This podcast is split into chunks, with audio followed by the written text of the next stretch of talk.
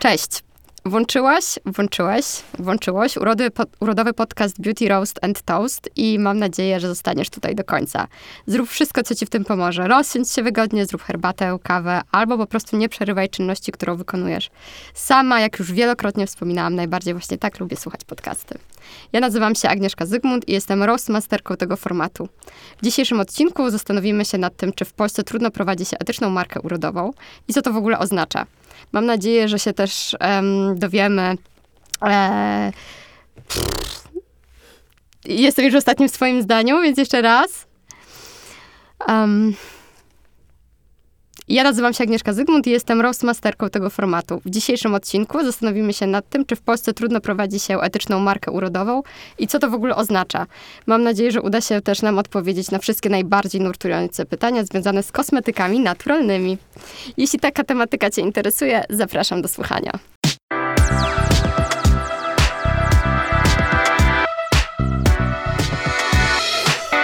Myślę, że czas chyba zakończyć ten podcast, e, skoro zainteresowało się nim samo ministerstwo.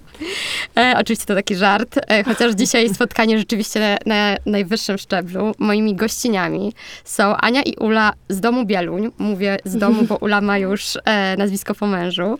Tak jest, formalnie inaczej. Formalnie inaczej, czyli założyciel, założycielki polskiej marki rzemieślniczych kosmetyków naturalnych Ministerstwo Dobrego Mydła. Cześć dziewczyny. Cześć, dzień dobry Państwu. E, ale też niezwykłe osobowości, o czym e, ja już wiem, a wy mam nadzieję będziecie mogli się przekonać e, właśnie słuchając tego odcinka. W ogóle na początku taki disclaimer dla osób, które pierwszy raz słyszą o Ministerstwie Dobrego Mydła bo zakładam, że zawsze taka osoba może się w ogóle znaleźć. Dziewczyny nie produkują wyłącznie mydła w swojej marce, nawet przede wszystkim nie mydła, chociaż od niego zaczynałyście, prawda? Od tego zaczęła się nasza historia tak naprawdę. Chociaż właściwie, hmm, tak żeby od początku nakreślić tutaj słuchaczom y, historię y, naszej mydlanej przygody, no to chyba tak jak zawsze podkreślamy, że sam pomysł w ogóle pojawił się z y, jakiejś potrzeby właśnie dobrych, dobrych jakościowo kosmetyków. Ja jako ta, ta młodsza zmagałam się z jakimiś problemami skórnymi, Ania jako starsza chciała mi pomóc, szukałyśmy różnych rozwiązań. E, no i tak właśnie trafiłyśmy na pierwszą jakąś taką, pierwsze tipy, pierwsze wskazówki w internecie, jak robić mydło. No i tak. Ile lat to tak było już temu? Będę strzelać. Osiem? Nie, to było ponad 15 lat temu. O, ofi official od, będzie 8. Ale official 8 od założenia marki. Od założenia tak, marki. tak, szczęśliwa ósemka. Tak, natomiast od tamtego czasu wiele się zmieniło. Przede wszystkim nie jesteśmy już we dwie, jest nas e, na ten moment 33,5 etatu. Ostatnio to zliczałyśmy, e, czyli zespół się poszerzył, poszerzyły się też, e, poszerzył się też asortyment. Mamy mm, w swojej ofercie nie tylko mydła, ale też czy kule kąpielowe, kremy do twarzy, masła wszelkiego rodzaju. No cały taki skincare. Ostatnio do, dołączyły do tego brokatowe piegi, więc już idziemy w sz, szeroko i szaleńczo. Tak, zaraz o tym wszystkim opowiemy mm, i porozmawiamy o tym. Ale powiedzcie, e, jak pamiętacie, jak wyglądał wasz pierwszy produkt, który stworzyłyście? Taki namacalny. Pierwsza kostka mydła to była, tak? Tak, to chyba było rozmarynowe mydełko. Nie, pierwsze razem robiłyśmy cynamony. I mamy to udokumentowane przez mamę. E, tylko te zdjęcia, e, te zdjęcia z, nie, na, nie, nadają się do publikacji. Dlatego, że ja nie mam tam biustonosza. w ogóle e, jest tak. to raczej sielsko-wiejski klimat tak. próbowania po prostu tak. raczej jeszcze hobbystycznie, jakichś takich, na początku myślałyśmy, że w sumie będziemy gdzieś tam na własne potrzeby coś mhm. działać. Rodzice wyrzucili nas z tym mydłem wtedy z domu i robiłyśmy je na ogrodzie, więc... Przepraszam, ale muszę zapytać, e, mam teraz taki obraz niczym z teledysku e, Że to, tak. to mydło było ubijane w jakiejś takiej sytuacji do negliżu. E, no, to po, po, powiedzmy, tak. To było gorące lato, mama uparcie nagrywała nas tabletem i tam jakieś takie orato, oratorskie moje wywody były, że ona tu nas nagrywa, a potem to sprzeda za miliony i dużo się śmialiśmy. Wciąż się, to może tak, wydarzyć. E, tak. No właśnie, więc jakby trzymamy to w domowym archiwum, może jak już e, kiedyś będziemy miały swoje wnuki, to im pokażemy, jak to wyglądało. No dobra, słuchajcie, kluczem e, waszej marki, tym, co tak bardzo podkreślacie, jest rzemieślnictwo. E, w jednym z wywiadów, e, którego udzieliłyście, mm, powiedziałyście, że mydła mieszacie za pomocą ręcznych blenderów, wszystko zalewacie do drewnianych foremek, kule lepicie ręcznie, peelingi do słoiczków trafiają za pomocą łyżki. Mm, ja wiem, że wy nie śpicie, e, albo nie lepicie uszek, jak to było przed, tuż przed świętami, bo sypałyście brokat e, dwa dni przed Wigilią, bo obserwowałam was na Instagramie i tak myślałam, że właśnie tak, to też byłabym ja bliżej, jest mi do produkcji brokatu e, niż produkcji dań wigilijnych. Mm, Ale czy to się trochę zmieniło w związku z tym, że macie tak duży zespół teraz? E, nadal, e, nadal wszystko jest wykonywane tak samo ręcznie, czy już macie jakieś mm, e, usprawnienia? Na pewno usprawnienia musiały się pojawić z racji tego, że i skala się zwiększyła, tak? Więc gdzieś tam w ramach e, naturalnego rozwoju marki i zwiększonej ilości produkcyjnej, no musiały pojawić się jakieś półautomatyczne maszyny, bo Mhm. jak najbardziej wiele z tych procesów, tak jak wspominasz, peeling dalej nakładamy łyżką i tutaj Mhm. się nie da po prostu, z, te, te, te, nie da się tej procedury zmienić, tak? Ale pojawiły się jakieś pierwsze maszyny, które pozwoliły nam e, zwiększyć tą skalę, ale też zarazem zwiększyć bezpieczeństwo samego produktu, więc to też dla nas było bardzo ważne, żeby do klientów trafiał jak najbardziej zg- zgodnie z procedurą, zgodnie z jakąś tutaj, um, ktoś się mówi po prostu taką, em, no jakby z, ze sztuką kosmetyczną produkty były przez nas wydawane w świat Ale to jest, zawsze, to jest zawsze przyczynek do takich rodzinnych e, sporów, e, długotrwałych podchodów, podjazdów, e, bo, No tak. bo dzielimy się na tę frakcję produkcyjną i sprzedażową i tutaj Ula z mężem opiekuje produkcję, e, więc szukają rozwiązań optymalizujących e, mm, i, i, i zawsze My jest tak, jesteśmy że z tego ramienia lean management, 5 S-ów, usprawniania Okej, wszystkiego. okej. Oni, oni mi tam zawsze z Toyotą wyjeżdżają i z maszynami, a ja zawsze stoję na straży tego, tego takiego rzemiosła, Mhm. takiego, takiego jakby organicznego rzemiosła, więc ja wkładam im łyżkę w dłoń, a oni kombinują z tymi maszynami. Natomiast y, dłu- długo się zastanawiając, w jaki sposób to rozwiązywać, przyjęliśmy taki klucz, że tam, gdzie dana czynność czy dany element produkcji jest na przykład trudny dla naszej załogi, tak Mhm. było z lepieniem kul, kiedy Tak, lepienie tak. kul ręczne przy pewnej skali tego procesu powodowało ból męczące, ból dłoni. tak. E, Mhm. Ludzie się musieli przy tym zmieniać, ale też no, jakby było to obciążające dla zdrowia. Tam wybraliśmy maszynę, dlatego że ona ugniata te kule. Oczywiście też jest obsługiwana przez, przez żywego człowieka, Mhm. Ale on tylko nasypuje tę masę, ogląda kule, czy one są w porządku. Mhm. Więc wszędzie tam, gdzie, gdzie ten element ludzki jest obciążony, tam staramy się wprowadzać e, procesy maszynowe. No właśnie, dziewczyny, bo ja was w ogóle zaprosiłam do tego podcastu, bo marzyła mi się taka bardzo szczera rozmowa. Mm, taka z odpowiedziami na te wszystkie pytania, które gdzieś jako my po stronie konsumentów sobie zadajemy. No to wpadłyśmy. E, Dałyśmy się wkręcić. I e, wiedziałam, że jesteście moim jedynym strzałem, e, jedyną Okej. szansą na taką e, rozmowę. Marzyła mi się też taka rozmowa, dlatego że w, pod względem oczywiście m, branży mody, która coraz chętniej wpuszcza jakby do procesu produkcji media i, mm, i swoich e, obserwatorów i chętnie pokazuje, jak rzeczy są robione ręcznie i, i pomyślałam, że jest dużo marek polskich, e, które też mogłyby się tym pochwalić. I pomyślałam sobie, hmm, no, mogę porozmawiać z kimś o etyce pracy, ale muszę znaleźć e, markę, która będzie miała tę etykę w swoim DNA, a nie w swoim marketingowym claimie. No i właśnie e, tym oto sposobem jesteście tutaj wy, także e, liczę na szczerość, ale już widzę, że ją tutaj e, utrzy, utrzy, o, o, dostanę, bo e, no oczywiście, że to jest męczące. Zrobienie 10 kul, a 100 kul, no to jest spora różnica dla nadgarstków i też mm, jakby wszyscy mamy świadomość, chociaż myślę, że konsumenci czasem o tym zapominają, że koniec końców to jest wasz sposób, to jest biznes, to jest wasz też sposób na przeżycie. No, mm, nikt tam nie e, poświęci swojej sprawności e, po to, żeby po prostu ktoś miał kulę, nie wiem, właśnie jedną więcej ulepioną, e, myślę, ręcznie.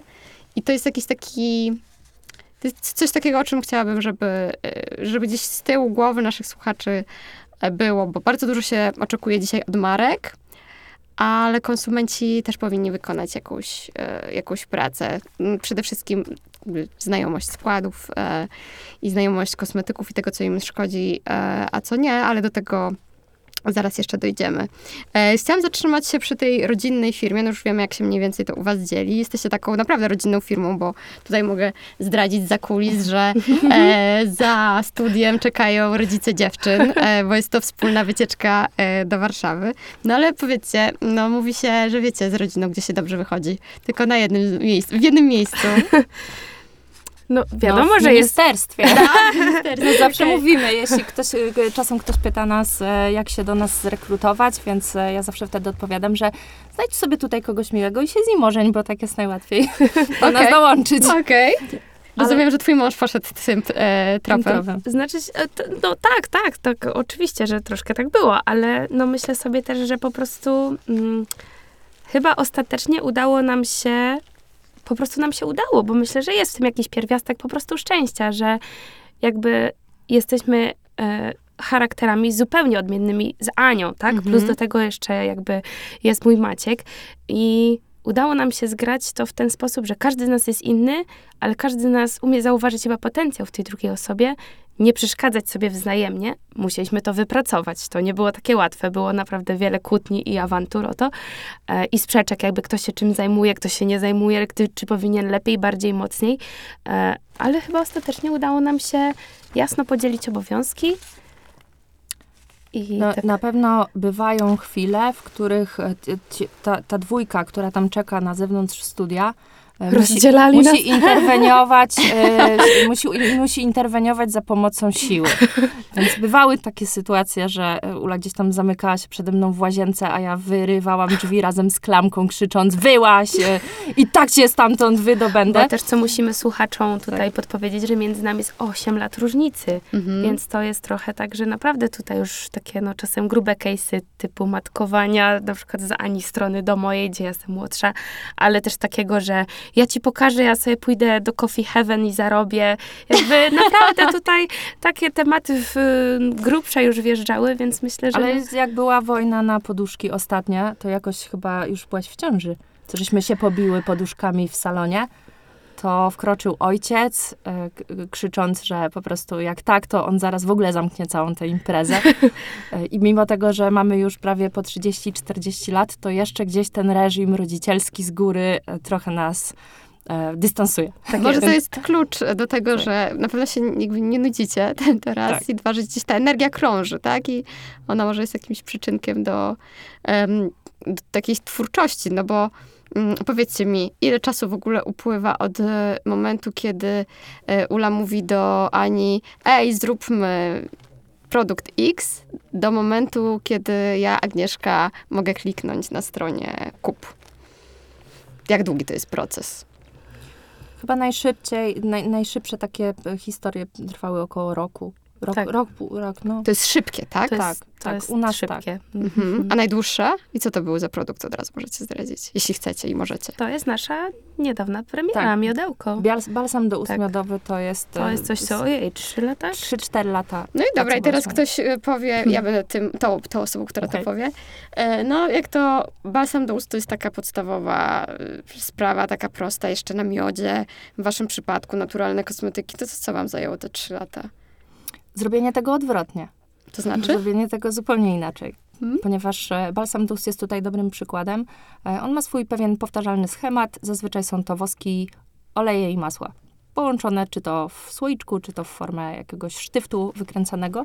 Natomiast to jest coś, co często dosyć szybko się zjada i nie dość głęboko penetruje na skórek warg, więc jeśli te, te wargi już są popękane i, i uszkodzone, to bardzo często to jest tylko takie, mamy Chwilowe. poczucie, że coś się Mhm. ślizga. Mhm. E, i my to natychmiast zjadamy, więc ta nasza praca, te cztery lata naszego researchu było o tym, jak stworzyć produkt, który z jednej strony nie będzie zbyt lepki, a z drugiej strony uczepi się tych ust jak zły, e, będzie penetrował dobrze Będzie ten działał. naskórek. Jednocześnie nie będzie je tylko krył ich powłoką, a będzie je regenerował aktywnie, w związku z czym te, te próby od zbytniego klejenia, kiedy wręcz nie można było ust otworzyć i zastanawiałyśmy się, czy nie, to nie będzie dobry produkt na kłótnię, żeby komuś pos- posmarować, e, poprzez produkty, które z kolei mm, rozpuszczały się, kiedy było za ciepło, albo były zbyt twarde, kiedy było za zimno. Więc jakby poszukiwanie tej idealnej konse- konsystencji zajęło nam te 4 lata, ale myślę, że to jest taki, to jest taki produkt, który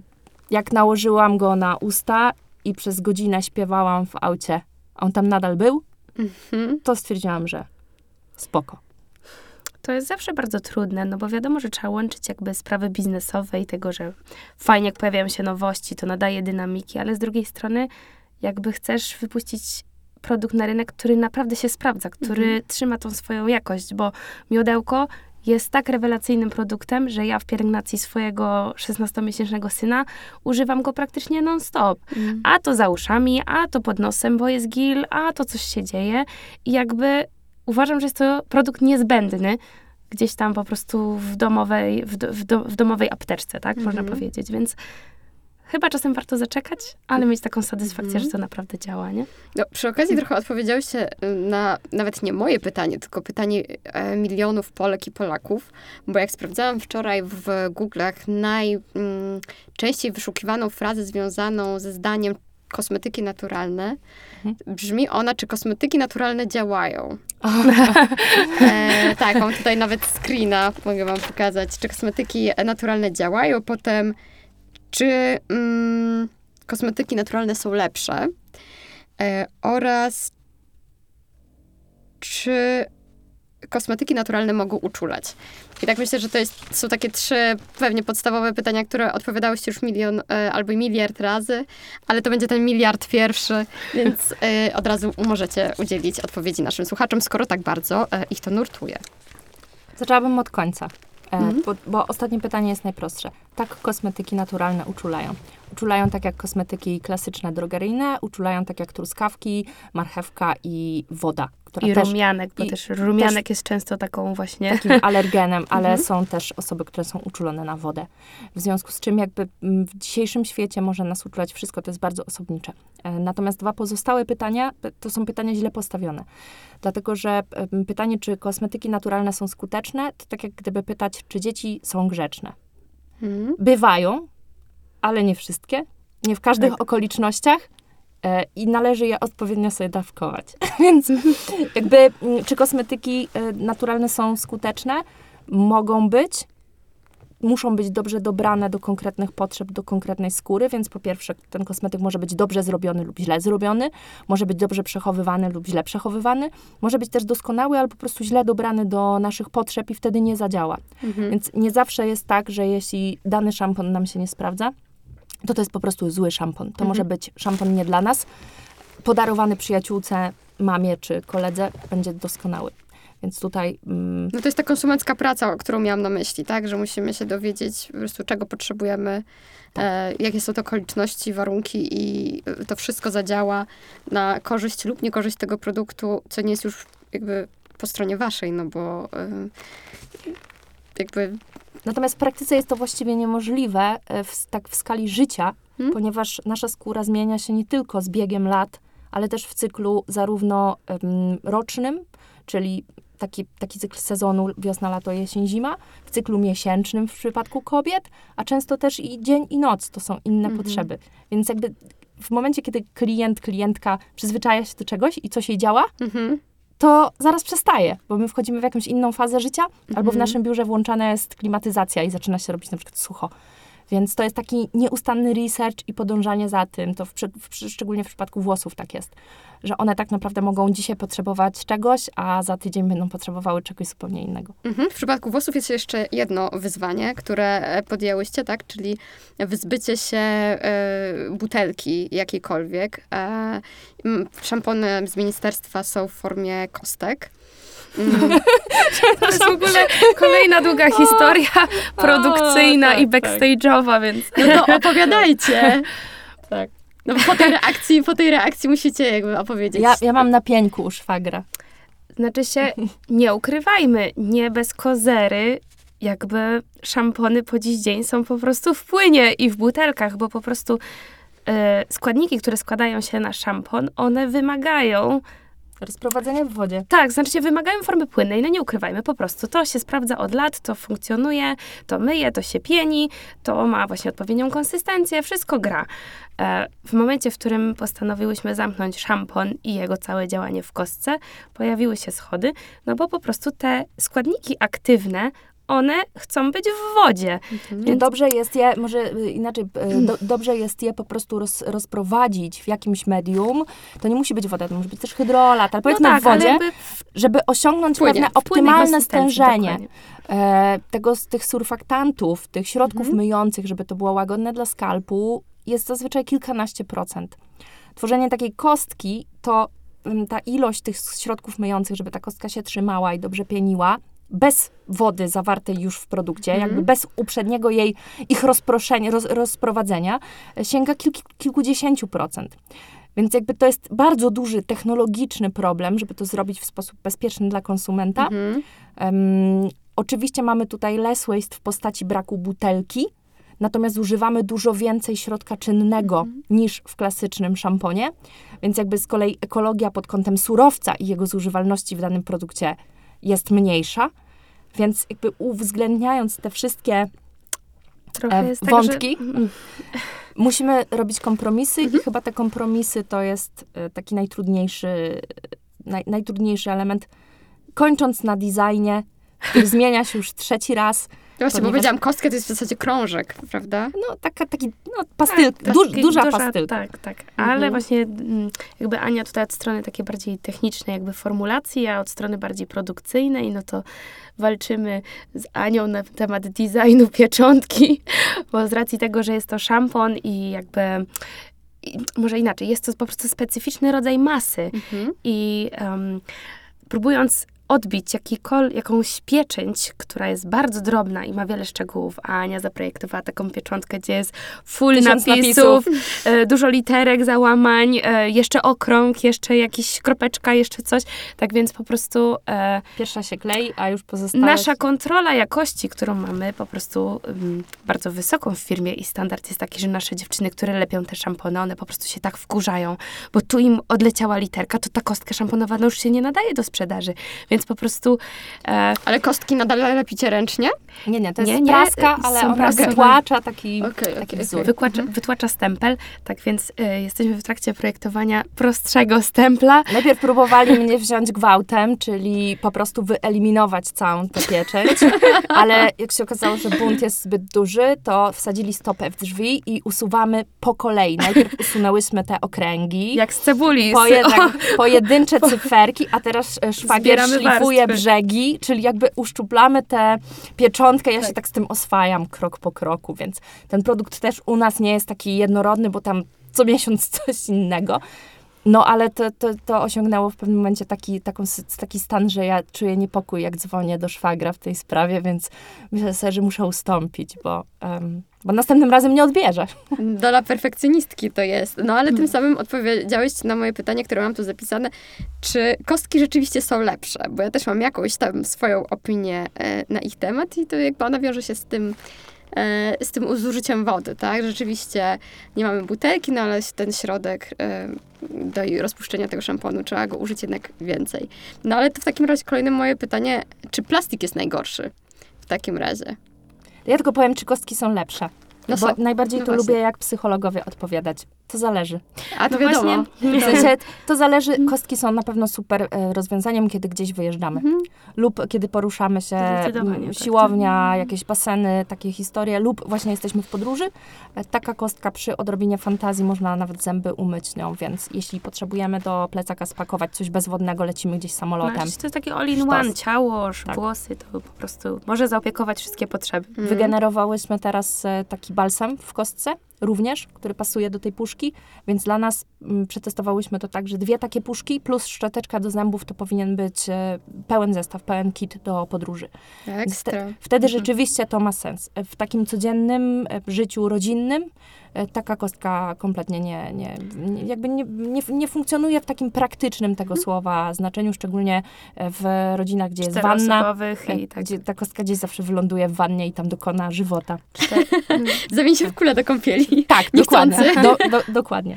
Ale też to właśnie jest to, że musimy patrzeć na względy ekonomiczne, jak i właśnie w sensie ekologiczne, ekonomiczne. Jakby myślę sobie, że cała ta nasza rozmowa będzie trochę o takim zdrowym rozsądku, o takim po prostu podejściu, że kurczę, no popatrzmy na wszystkie aspekty, tak? Nie fiksujmy się może tylko na jeden, tylko jakby, nie wiem, właśnie ta ekologia, tak? Że plastik już jest B, totalnie odrzucamy, no bo, bo za tym idzie też jakaś ekonomia z kolei, Mhm. rodzinnego życia na przykład, nie? Więc myślę, że ale też na takim na y, czujności, nieustającej czujności i otwartości na zmiany, bo to, czy coś jest ekologiczne, czy nie jest, jest osadzone w danym miejscu, w danym czasie. Bo to, co jest ekologiczne w tym momencie w Austrii, może być kompletnie nieekologiczne w Polsce, bo to w dużej mierze zależy od systemu odzyskiwania śmieci, recyklingu, od tego, ile mamy kompostowni przemysłowych, przy- y, przemysłowych, od tego, co do nich trafia.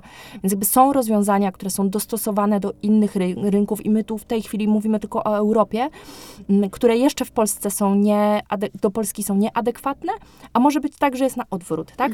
Więc tak naprawdę trzeba się bardzo rozglądać, w jakim otoczeniu się funkcjonuje i na co my jesteśmy gotowi. Kiedy ministerstwo trafiało pierwszy raz na półki polskich domów, m, szkło było najlepszym rozwiązaniem No w sensie właśnie. najbardziej Mhm. ekologicznym. Na ten moment, na, na, w tamtych czasach, szukając y, opakowań z recyklingu, bo wiadomo było już, że plastik nie, w związku z czym co za plastik, szukaliśmy bardzo opakowań na przykład z trzciny cukrowej. One się już wtedy pojawiały, ale nie były na tyle stabilne, żeby można je było bezpiecznie używać w kosmetykach, więc y, zaczęły się pojawiać też pierwsze butelki z y, plastiku z recyklingu, Mhm. i też nie były idealne, też się nie nadawały do kosmetyków, bo trzeba uwzględnić, że kosmetyk to nie jest farba do ścian. On musi mieć opakowanie, z którego nie migrują substancje chemiczne, które nam nie zanieczyści tego kosmetyku, nie skrzywdzi nam potem klienta. Więc jakby długo czekałyśmy na to, żeby ten e, PCR, czyli e, post-recycled, e, post-consumer recycled plastic, pojawił się w takich formach, żeby można ich było używać. I w naszej ocenie na dzisiaj taki, pi, taki, taki PCR, my to mówimy na niego PCR, jest bardziej ekologiczny niż dziewicze szkło, Mhm. które trzeba jakby w hucie wy, wy, wy, wy, wy, wyprodukować.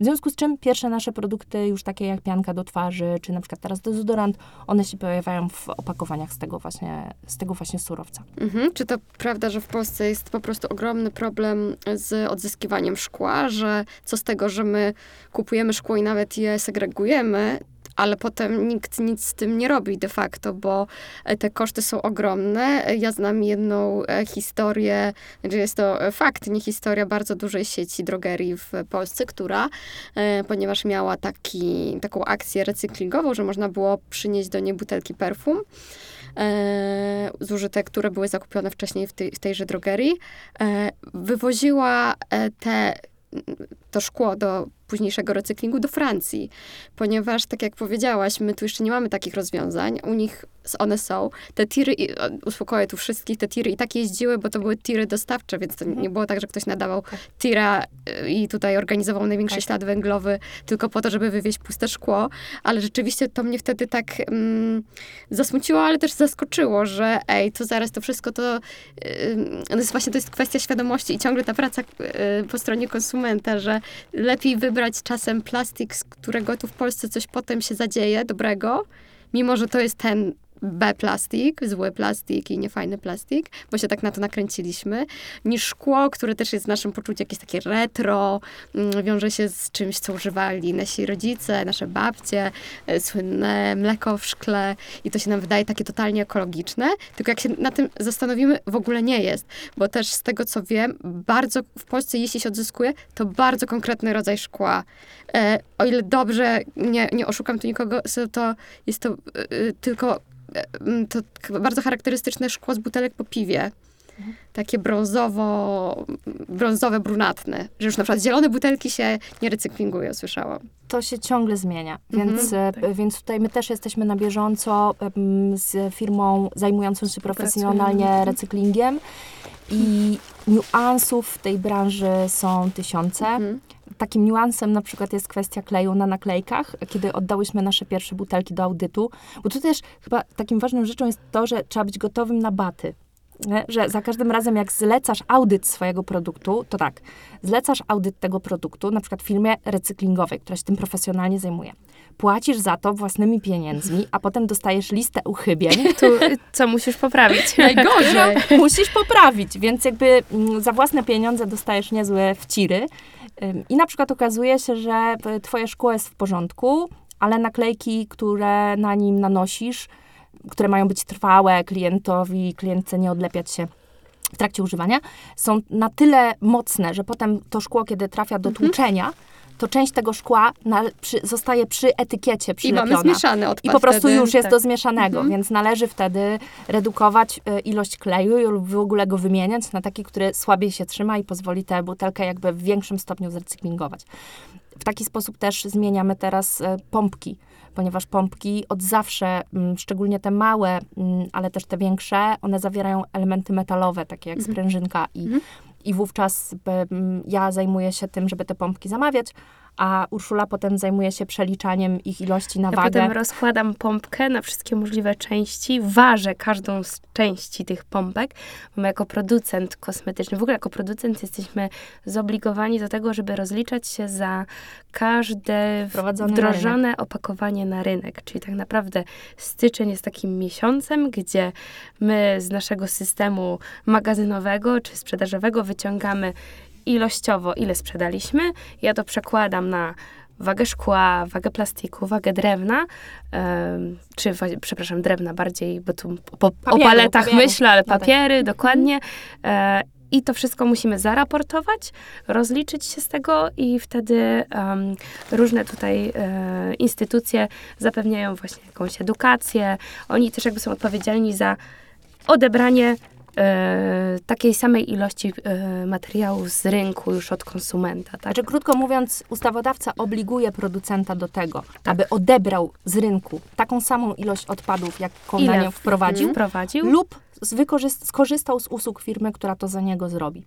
Więc tak naprawdę każdy z nas Mhm. musi tutaj bardzo dobrze patrzeć, ale mm, też pod kątem takiego właśnie możliwości odzyskania tego, y, znalazłyśmy na rynku pompkę, która jest droższa, ale jest pompką monomateriałową. Steel jest to surowy plastik i niestety nie z recyklingu, bo pompek i tych wszystkich drobnych elementów jeszcze nie potrafi przemysł robić z recyklingu, ale już jest przynajmniej monomateriałowa, czyli klient może ją wrzucić do plastiku, nie musi jej wrzucać do zmieszanych. Mhm. Więc jakby to każdy etap, każdy rok przynosi nowe rozwiązania i rzeczy, które kiedyś były niemożliwe, są już możliwe.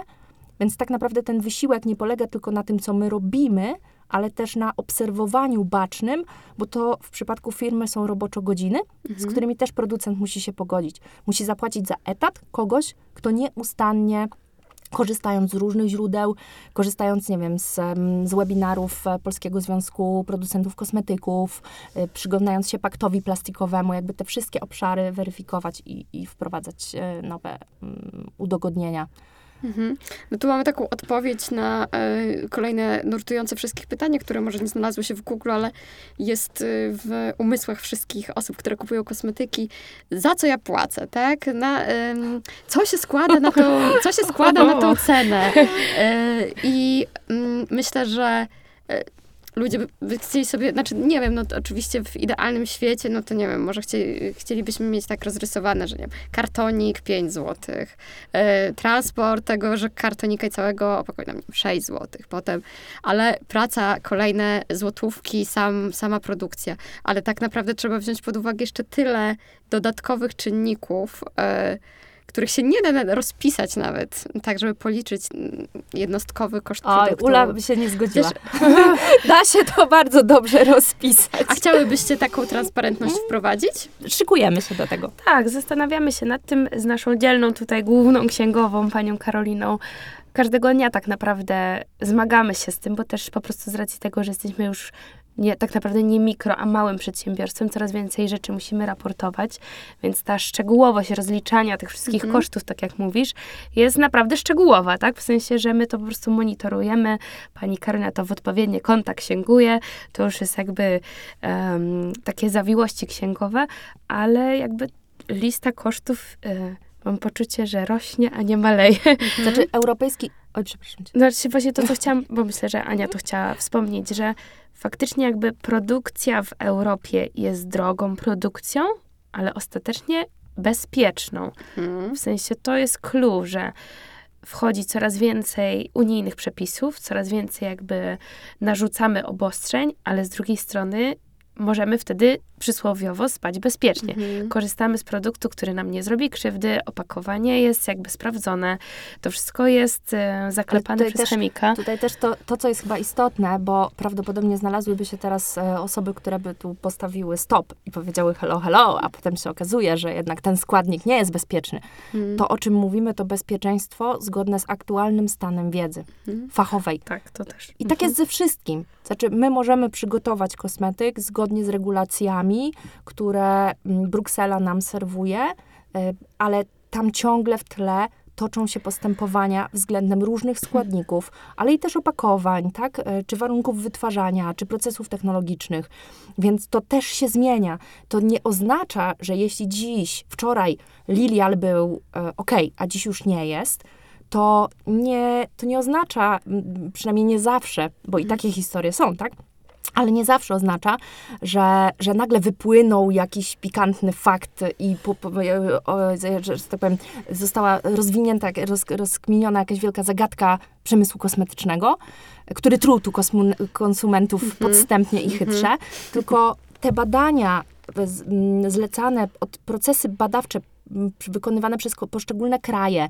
I tu Francuzi są naprawdę upierdliwi w tym. Szwedzi bardzo mocno e, sprawdzają e, bezpieczeństwo składników kosmetycznych. I powstają kolejne badania, jeśli okazuje się, że dany składnik w danych konstelacjach, w danym zastosowaniu, w określonych okolicznościach, w określonym stężeniu jest niebezpieczny, to my musimy go wycofać. Mhm. I takich procesów będzie teraz dużo, one się cały czas toczą, to się też wiąże z opakowaniami, więc cały czas jest taki buzz, taki noise w, te, w tej branży i dużo, dużo naszych wysiłków też krąży wokół tego. Mhm. Znaczy się, żyjemy w rzeczywistości, która jest zmienna i tego nie da się wykluczyć. W sensie jest to jakiś stały pierwiastek naszego funkcjonowania. Tak jak naukowcy odkrywają różne nowinki medyczne, tak my mamy cały czas update na temat surowców, na temat maszyn, na temat procedur, na temat tak naprawdę funkcjonowania produkcji. I My czasem, czasem są też rzeczy, o których sobie w ogóle nie, nie jesteśmy w stanie sobie czegoś wyobrazić. Bo na przykład my przygotowujemy kosmetyk, który jest bezpieczny do stosowania na twarz dwa razy dziennie, na przykład pod oczy, tak? Mhm. I zakładamy, że przy takim stosowaniu, plus zakładając, że klientka dołoży sobie do tego jeszcze krem do twarzy i po, przysypie się delikatnie pudrem, będzie to w porządku. Ale nie przewidujemy, że ta klientka w zasadzie to zaczyna od, y, gdzieś tam poczytała o kreacji, y, koreacji, koreańskiej. pielęgnacji japońskiej czy koreańskiej. Mhm. I ona to w zasadzie to zaczęła od e, Wieloetapowego. wieloetapowego oczyszczania, potem nałożyła na to tonik, na to dała mleczko i primer, na primer nałożyła krem, na krem nałożyła żel, na balsam na to jeszcze ten i do tego nałożyła fluid, a na fluid posypała się sypkim pudrem, jeszcze róż i, i jeszcze troszkę fiksera. I mamy katastrofę. I mamy coś, czego żaden producent w Nie swoich najgorszych snach tak. nie jest w stanie przewidzieć efektu tej e, historii. Czy to jest historia z życia wzięta? Tak, to jest, myślę, że to jest historia wzięta z wielu żyć. Okej. I, I my też, jakby przemysł też powoli zaczyna to uwzględniać. Mhm. Więc safety asesorzy, czyli osoby o wykształceniu chemicznym, medycznym, które zajmują się później przygotowywaniem raportów bezpieczeństwa do każdego naszego kosmetyku, czyli sprawdzaniem, czy ten skład będzie bezpieczny do stosowania, zaczynają takie sytuacje uwzględniać. I to też będzie wpływało finalnie na receptury kosmetyków, które się pojawiają na rynku. A nie na instrukcję obsługi? E, czyli sposób użycia na opakowaniu? Jedno Myślę, i drugie. Trochę jest chyba tak, że legislacja będzie podążała za tym, żeby minimalizować wszystko. Ryzyko. Tak, Mhm. no, dokładnie. Będąc przy tej e, legislacji, chciałam mm, was zapytać, czy polskie prawodawstwo sprzyja prowadzeniu mm, etycznego e, biznesu? Nie dalej, chyba jak wczoraj czy przedwczoraj, widziałam wasz komunikat o tym, że UOKiK e, działając na rzecz zdrowej konkurencji, w zasadzie eliminując te niedobre praktyki w biznesie, zdecydował się na jakby na uporządkowanie kwestii komentarzy konsumenckich pozakupowych i teraz e, mm, z tego, co wiem od was, e, wiążą się one e, z zakupem produktu. To znaczy, że komentarz na temat, opinię na temat produktu może wystawić tylko osoba, która go faktycznie kupiła. Znaczy, na ten, tutaj dodam małe sprostowanie. Mhm. Bo tu już dziewczyny mnie poprowadziły wczoraj, że może w, w naszym przypadku może teraz tylko w ten sposób, Aha. ponieważ e, jeszcze nie mamy takiej opcji umieszczania komentarza opatrzonego frazą komentarz dokonany bez zakupu. Aha. Moment, w którym nasz online, czyli nasz Ale tak naprawdę być to, silnik tak. sklepu Mhm. y, uaktualnimy o ten, ten Mhm. dodatek, będzie mogła się pojawić taka opinia, ale ona będzie musiała być opatrzona Oznaczona taką informacją, Mhm. że jest to komentarz bez zakupu. No i to jest super, znaczy domyślam się, jaki to jest problem dla was, bo tak jak powiedziałyście, znika część komentarzy, a potem one będą opatrzone, Mhm. że są bez zakupu, ale z drugiej strony unikamy p- nagminnej procedury, która się dzieje w social mediach, czyli kupowania y, followersów i lajków, tudzież kupowania opinii y, i komentarzy pozytywnych, które to jest praktyka stosowana przez niektóre marki, nie tylko w Polsce, no nie, nie, oszukujmy się. I mm, moje pytanie jest takie, czy polski, polskie ustawodawstwo i ogólnie rynek jest ułatwiający e, prowadzenie takiej działalności, jaką prowadzicie, czy tylko rzuca kłody pod nogi cały czas i wy musicie codziennie się zastanawiać, co dzisiaj, co, co dzisiaj się wydarzy. Ale chwileczkę, to trzeba, UOKiK nie jest po to, żeby robić nam łatwiej, tylko żeby dbać o klienta. Konsumenta. I to jest jakby, to jest instytucja i każdy producent e, powinien to brać na pancerz, że są instytucje i muszą być, które będą stały za klientem.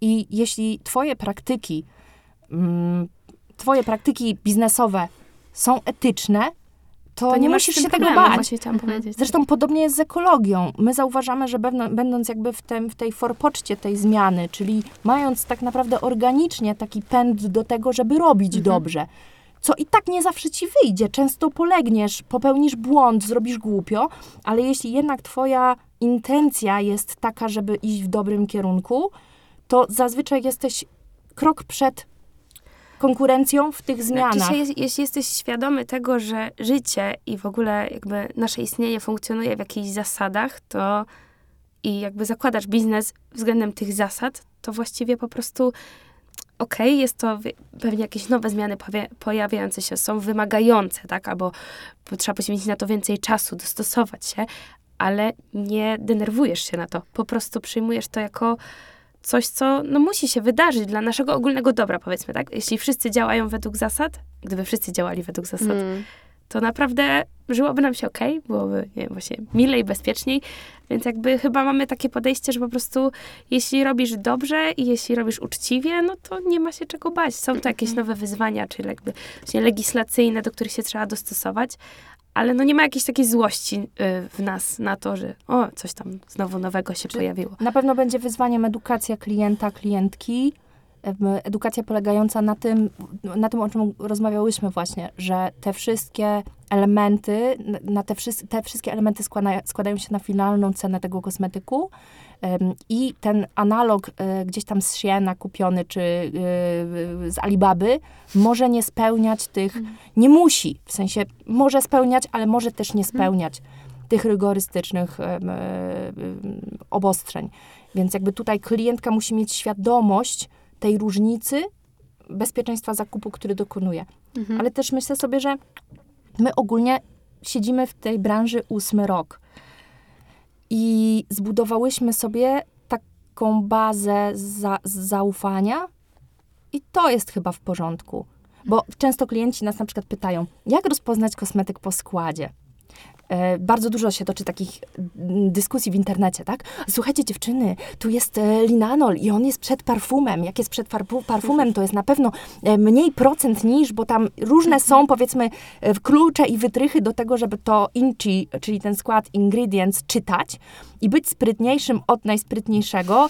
Natomiast technolodzy branżowo wiedzą, że jeśli będziemy Państwu chcieli coś, brzydko mówiąc, opchnąć, Mm. to zamieszamy wam tak, że nie będziecie, nie poznacie, co tam się wydarzyło, bo owszem, e, nie wiem, składniki, których jest mniej niż 1%, można układać w dowolnej kolejności. Wszystko, czego jest poniżej 1%, możemy układać w dowolnej kolejności, w związku z czym możemy wygenerować tych składników 20 i ukryć ten najmniej chciany na samym końcu, a wcześniej ułożyć te 20 poprzednich i wy już nie wiecie, co tam jest poniżej 1%, a co jest powyżej.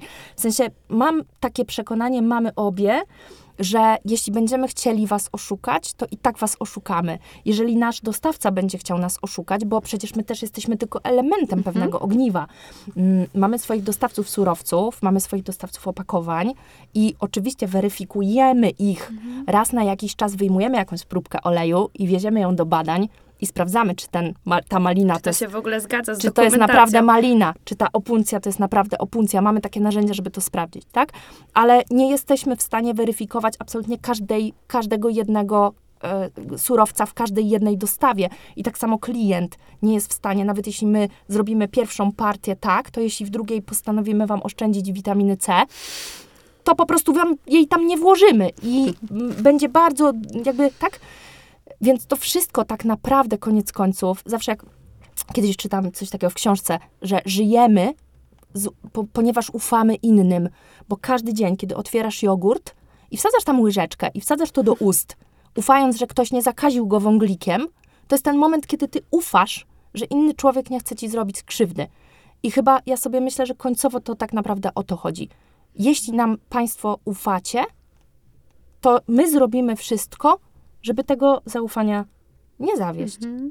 No bo też jest tak, że ministerstwo nie wypłynęło na fali em, mody na eko, tylko w Polsce jakby tą modę na eko, czy naturalne kosmetyki i tą bliskość natury jakby zapoczątkowało. Mówię to z perspektywy dziennikarki, y, która zajmowała się prawie dekadę urodą i mogłam śledzić y, wasz początek, wasz rozwój i też to, co się działo w tym czasie wokół. I jakby myślę, że godna docenienia, bez jakiegoś tutaj nadmiernego podlizywania się jest, e, jest według mnie taki fakt, że mm, nie macie strategii, mm, może nawet nie wiem, jak to dobrze nazwać. Chodzi mi o to, że niektóre marki fiksują się na przykład, nie wiem, jest taka marka, na pewno wiecie jaka, która swoją, em, e, swoją ideę opiera na tam sześciu podejrzanych składnikach, które eliminuje. Albo są marki, które idą w certyfikaty i oblepiają się od e, stóp do głów, e, tak powiem, w przenośni certyfikatami, które są bardzo żmudne, kosztowne. Proces uzyskania certyfikatu jest bardzo długi, bo trwa wiele, wiele, wiele lat. Jest kosztowny, więc często mogą sobie na to pozwolić tylko wielkie korporacje, bo potem musiałoby się to przełożyć na cenę produktu, a klient chce mieć certyfikat, ale nie chce mieć droższego produktu, wiadomo. I- no i jest ten wszechobecny teraz, to jest właśnie to, co spowodowała moda na tą szeroko pojętą ekologię, już to wezmę w taki większy nawias, że z jednej strony fajnie, że wymusiła jakieś dobre praktyki, bo konkurencja jest bardzo duża i, i jednak wymusiła czy zmiany w opakowaniach, czy w tych składach, jednak nawet w marketowych pozycjach jest już dużo lepiej. Z drugiej strony e, bardzo łatwo paść ofiarą greenwashingu teraz. Mhm. I to jest to, o czym powiedziałyście, kwestia intencji i dlatego też was tutaj zaprosiłam, bo em, nie chcę rozmawiać o, o jakichś wymyślonych kampaniach i e, pomysłach na to, jak ugryźć naturę, tylko o takim koncepcie, że chcę zrobić coś dobrego dla kogoś innego i, i to jest mój cel, a reszta się obroni sama, no bo taki, taka jest kolej rzeczy. Ale moje pytanie, bo musi być na koniec tego wywodu pytanie, jest takie, czy teraz, kiedy jest tak wokół dużo i ekologicznych, czy naturalnych, czy zielonych marek i to jest tak powszechne i ta wiedza konsumentów jest większa, wam jest łatwiej czy trudniej dzisiaj prowadzić e, ministerstwo? Pomidor. Moja siostra zawsze mówi. Przyjmuję. Nie, nie, nie, w sensie, Przyjmuję. ale to, to, to, to tutaj nie ma jednoznacznej odpowiedzi. Pewnie, że są pola, na których jest trudniej, ale są też pola, na których jest łatwiej. Więc jakby tu to absolutnie, nas to cieszy, o tak bym powiedziała. Pięknie. Chyba tak to trzeba podsumować, ale to, co ja bym chciała jeszcze dodać właśnie na końcu, to jest to, żeby po prostu gdzieś trzymać w całym swoim życiu ten taki zdrowy rozsądek i zdrowe podejście do wielu rzeczy, że trzeba czasem pójść na kompromis, trzeba po prostu popatrzeć z każdej strony. Ale wiecie, co jest fajne? Ja wam powiem, co jest fajne tak, e, z, e, też z mojej perspektywy. Fajne są firmy rodzinne. Fajne są firmy rodzinne, dlatego że obserwujemy to również e, w przypadku naszych rodziców. Oni też prowadzą firmę rodzinną.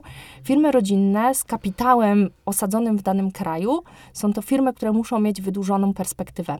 Ponieważ taką firmę rodzinną prowadzisz nie tylko po, po pierwsze pod swoim własnym nazwiskiem. Klient zawsze może cię znaleźć i zawsze może ci wygarnąć, co tam sobie o tobie myśli. Ale druga sprawa jest taka, że ty prowadzisz tę firmę nie tylko dla siebie.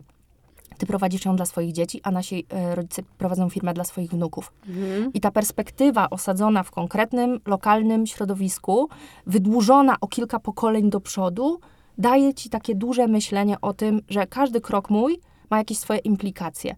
I tego brakuje w ogromnych korporacjach, w których jest rozproszona odpowiedzialność i tak naprawdę myśli się bardzo krótką perspektywą, często pięciu lat, jakiegoś planu konkretnego. Mamy roczny plan do wykonania, mamy taki plan do wykonania, a w zasadzie to za dwa lata ja zmieniam korporację albo gdzieś tam idę dalej mm, i to już mnie nie obchodzi. Firmy rodzinne mają taki azymut na wiele pokoleń i to jest chyba kluczem dzisiaj. No z rodziny trudniej odejść niż z pracy, takiej z korporacji, no. Nie wymiksujesz się z rodziny. I ciężko tego... przestać Mhm. myśleć o tym, Mhm. że moje wnuki czy prawnuki Mhm. też będą w tym miejscu żyły. I jak one będą żyły, tak? I czy ten biznes, który ja dzisiaj prowadzę, obroni się przez te lata, a nie tylko będzie takim złotym strzałem i później e, będzie do zaorania i zróbmy coś Ale jednak nie? to, co Ania mówi, nie sprawdza się we wszystkich rodzinnych biznesach, no bo czasem po prostu się nie udaje. Wydaje mi się, że w naszej takiej kompilacji rodzinnej ważne jest też to, że dokonałyśmy takiej, takiego wysiłku i zrobiłyśmy sobie test Galupa i obydwie mamy bardzo wysoko właśnie odpowiedzialność. I jest to chyba cecha, która właśnie pomaga nam działać razem, bo my mamy po prostu, y, nawet odpowiedzialność to była jedna chyba z trzech cech, które my mamy wspólne z Anią. Mhm. Więc jakby to też pomaga, że priorytety, mimo różnych charakterów, różnego stylu bycia, priorytety takie życiowe i taki pomysł na życie jest naprawdę dosyć podobny i spójny. Jakby nie wyobrażamy sobie robić biznesu, który był jakimś szachermacherem, właśnie wymyślaniem, tutaj, kurczę, coś pokombinujmy, tylko raczej każda z nas miała no, no, ja, jasny plan na to, jak chcemy prowadzić ten biznes, tak? Więc Ale jest to wystawione na pewno na ogromną próbę, bo wiecie co, ta mm, ekologia, ona jest nie tylko o tym, czy ty wytworzysz ekologiczny produkt w ekologicznym opakowaniu i czy dostarczysz go klientowi w dobrej cenie, zrobisz do tego dobry marketing i tak dalej, ale ta cała etyka i e, ta cała, ta cała duża historia stoi jeszcze po tej drugiej stronie, czyli zatrudnienia obowiązków pracodawcy w zmieniającym się niepewnym środowisku gospodarczym. I teraz to, co mnie osobiście i co, myślę, eko już się przejadło. Zielone już nie jest jakby niczym nowym. Idziemy w stronę transparentności. To jest kolejny krok, ale nie tylko tej transparentności, jak my ten produkt wytwarzamy, ale też jak wygląda nasza firma od zaplecza. Bo na przykład ministerstwo e, jest taką firmą, która nie ma 1% konsekwentnie przekazywanego na żadne cele środowiskowe. E, Nie mamy dużych kampanii proekologicznych, e, nie przekazujemy dużych kwot pieniędzy w stronę jakichś inicjatyw, na przykład tutaj. Ym, I to nie jest, to nie działa wizerunkowo dla nas dobrze, w sensie to nie jest nasz dodatkowy booster, ale jednocześnie staramy się opiekować procesy zapleczowe z naszym własnym personelem i kiedy mamy jakiś, jakiś budżet, to staramy się go przekładać na ludzi, którzy z nami pracują, bo to, to jest nasz najbliższy environment. I teraz widzę często marki, które mają na przykład duże kampanie proekologiczne albo wspierają dziewczynki w Indiach, co jest w ogóle fantastyczne. niezaopiekowany własny ogródek. Ale jednocześnie potem słychać w internecie, że zatrudniają na zlecenia, że zatrudniają stażystów i im nie płacą. I jakby już nie odwołując się do negatywnych przypadków, trzeba, ja wierzę, w, będę wierzyć tak na 100%, bo kocham akcje humanitarne, te wszystkie akcje wspierające inicjatywy, ale żeby być tak na 100% pewna, że to jest spoko, chcę zobaczyć transparentne finanse tej firmy i chcę zobaczyć, że ona zatrudnia w sposób etyczny. Bo tu bardzo łatwo się w tym gdzieś zamieszać. Myślę, że takim kolejnym etapem, który dla nas, jako dla pracodawców, będzie bardzo trudny, to to, co już się pojawia, czyli transparentność płac. My mamy na przykład e, politykę płacową jawną w firmie, więc widełki określone płacowe na danych stanowiskach są jawne. To się są- w ogóle bardzo szybko pojawiło, bo To są nadal widełki, więc jakby najmniej będziesz zarabiać tyle, tam bez góry, ale zawsze najmniej będziesz zarabiać tyle, tak? I teraz pytanie, czy w, w dobie szalejącej inflacji, kiedy firma, firmy mają trudno i my też teraz mamy trudniej, a jednocześnie pracownicy potrzebują więcej tych zasobów, bo rośnie, rosną ceny i to jest taki moment, kiedy ty musisz z jednej strony utrzymać tę firmę, nie dać, nie dać jej umrzeć, nie dać się przeinwestować, a z drugiej strony musisz tak traktować swoją załogę, żeby ona też przetrwała i jednocześnie jeszcze ty, żebyś miał satysfakcję w tym wszystkim, E, myślę, że to są tematy kompletnie jeszcze nieporuszane w polskiej branży kosmetycznej, a zaczną być istotne w najbliższym czasie. Ania, wyszedł ci piękny roast i toast, więc e, proszę, szczęk kieliszków jest dla ciebie za tą piękną przemowę. Em, ale ja mam jeszcze szybciutkie pytanie na koniec. Mm, czy wracając e, do kosmetyków jeszcze na momencik, czy jest jakaś kategoria produktów, mm, która przy zachowaniu naturalnych formuł nie będzie możliwa do stworzenia i to jest wasz jakiś tam święty gral czy oczko w głowie? Tak zadaję to pytanie po tym, jak wytworzyłyście biobrokat, więc trochę myślę, że nie ma już takiej kategorii, ale może, może jest jakiś taki produkt. Prostuj, prostuj. No tak, musimy sprostować, bo my nie wytwarzamy brokatu. My go e, Dystrybuujemy. dystrybuujemy, więc jakby nie jesteśmy producentem, tak? Mhm. My gdzieś tutaj Mamy swoje tajne źródełko. wy, wyhaczyłyśmy go po prostu w ofercie gdzieś tam e, surowcowej. Tak więc my tutaj jesteśmy dystrybutorem jak najbardziej, tylko i wyłącznie. A, Święty Graal, kurczę, no, mi się marzy wszystko, wszystko w jednym. Co prawda już w sumie ta nasza kostka szamponowa jest takim produktem, który właśnie tak jak wspominałyśmy Mhm. wcześniej, zaopiekuje wszystkie potrzeby na wyjeździe, czy na przykład na Islandii, jak się jest i nie można wziąć dużo ze sobą. Na pewno trudne są lakiery do paznokci, ale to nie jest nasza kategoria. Ona Mhm. jest bardzo trudna w kontekście właśnie, czy lakiery do włosów, bo miałam do czynienia z tymi eko-lakierami do Mhm. włosów. Nie. Kolorówka jest w ogóle Nie. Ciężka. W ogóle chciałam a powiedzieć o kolorówce, Mhm. że to, żeby to było ekologiczne i się Tak. trzymało i spełniało oczekiwania, Ale było wiecie, fajne. To... dziewczyny, są marki. Jest Annabelle Minerals, które, które robią super rzeczy. Jest, jest kilka marek. E, natomiast no, dla mnie tekstury. Mhm. Tekstury, tekstury, tekstury. Słuchajcie, silikony są takie miłe. E, są takie, och, no nie da się tego na dzień dzisiejszy jeszcze Mhm. tak dobrze odwzorować. To jest taki kwiat paproci. Czyli- Ale może kiedyś.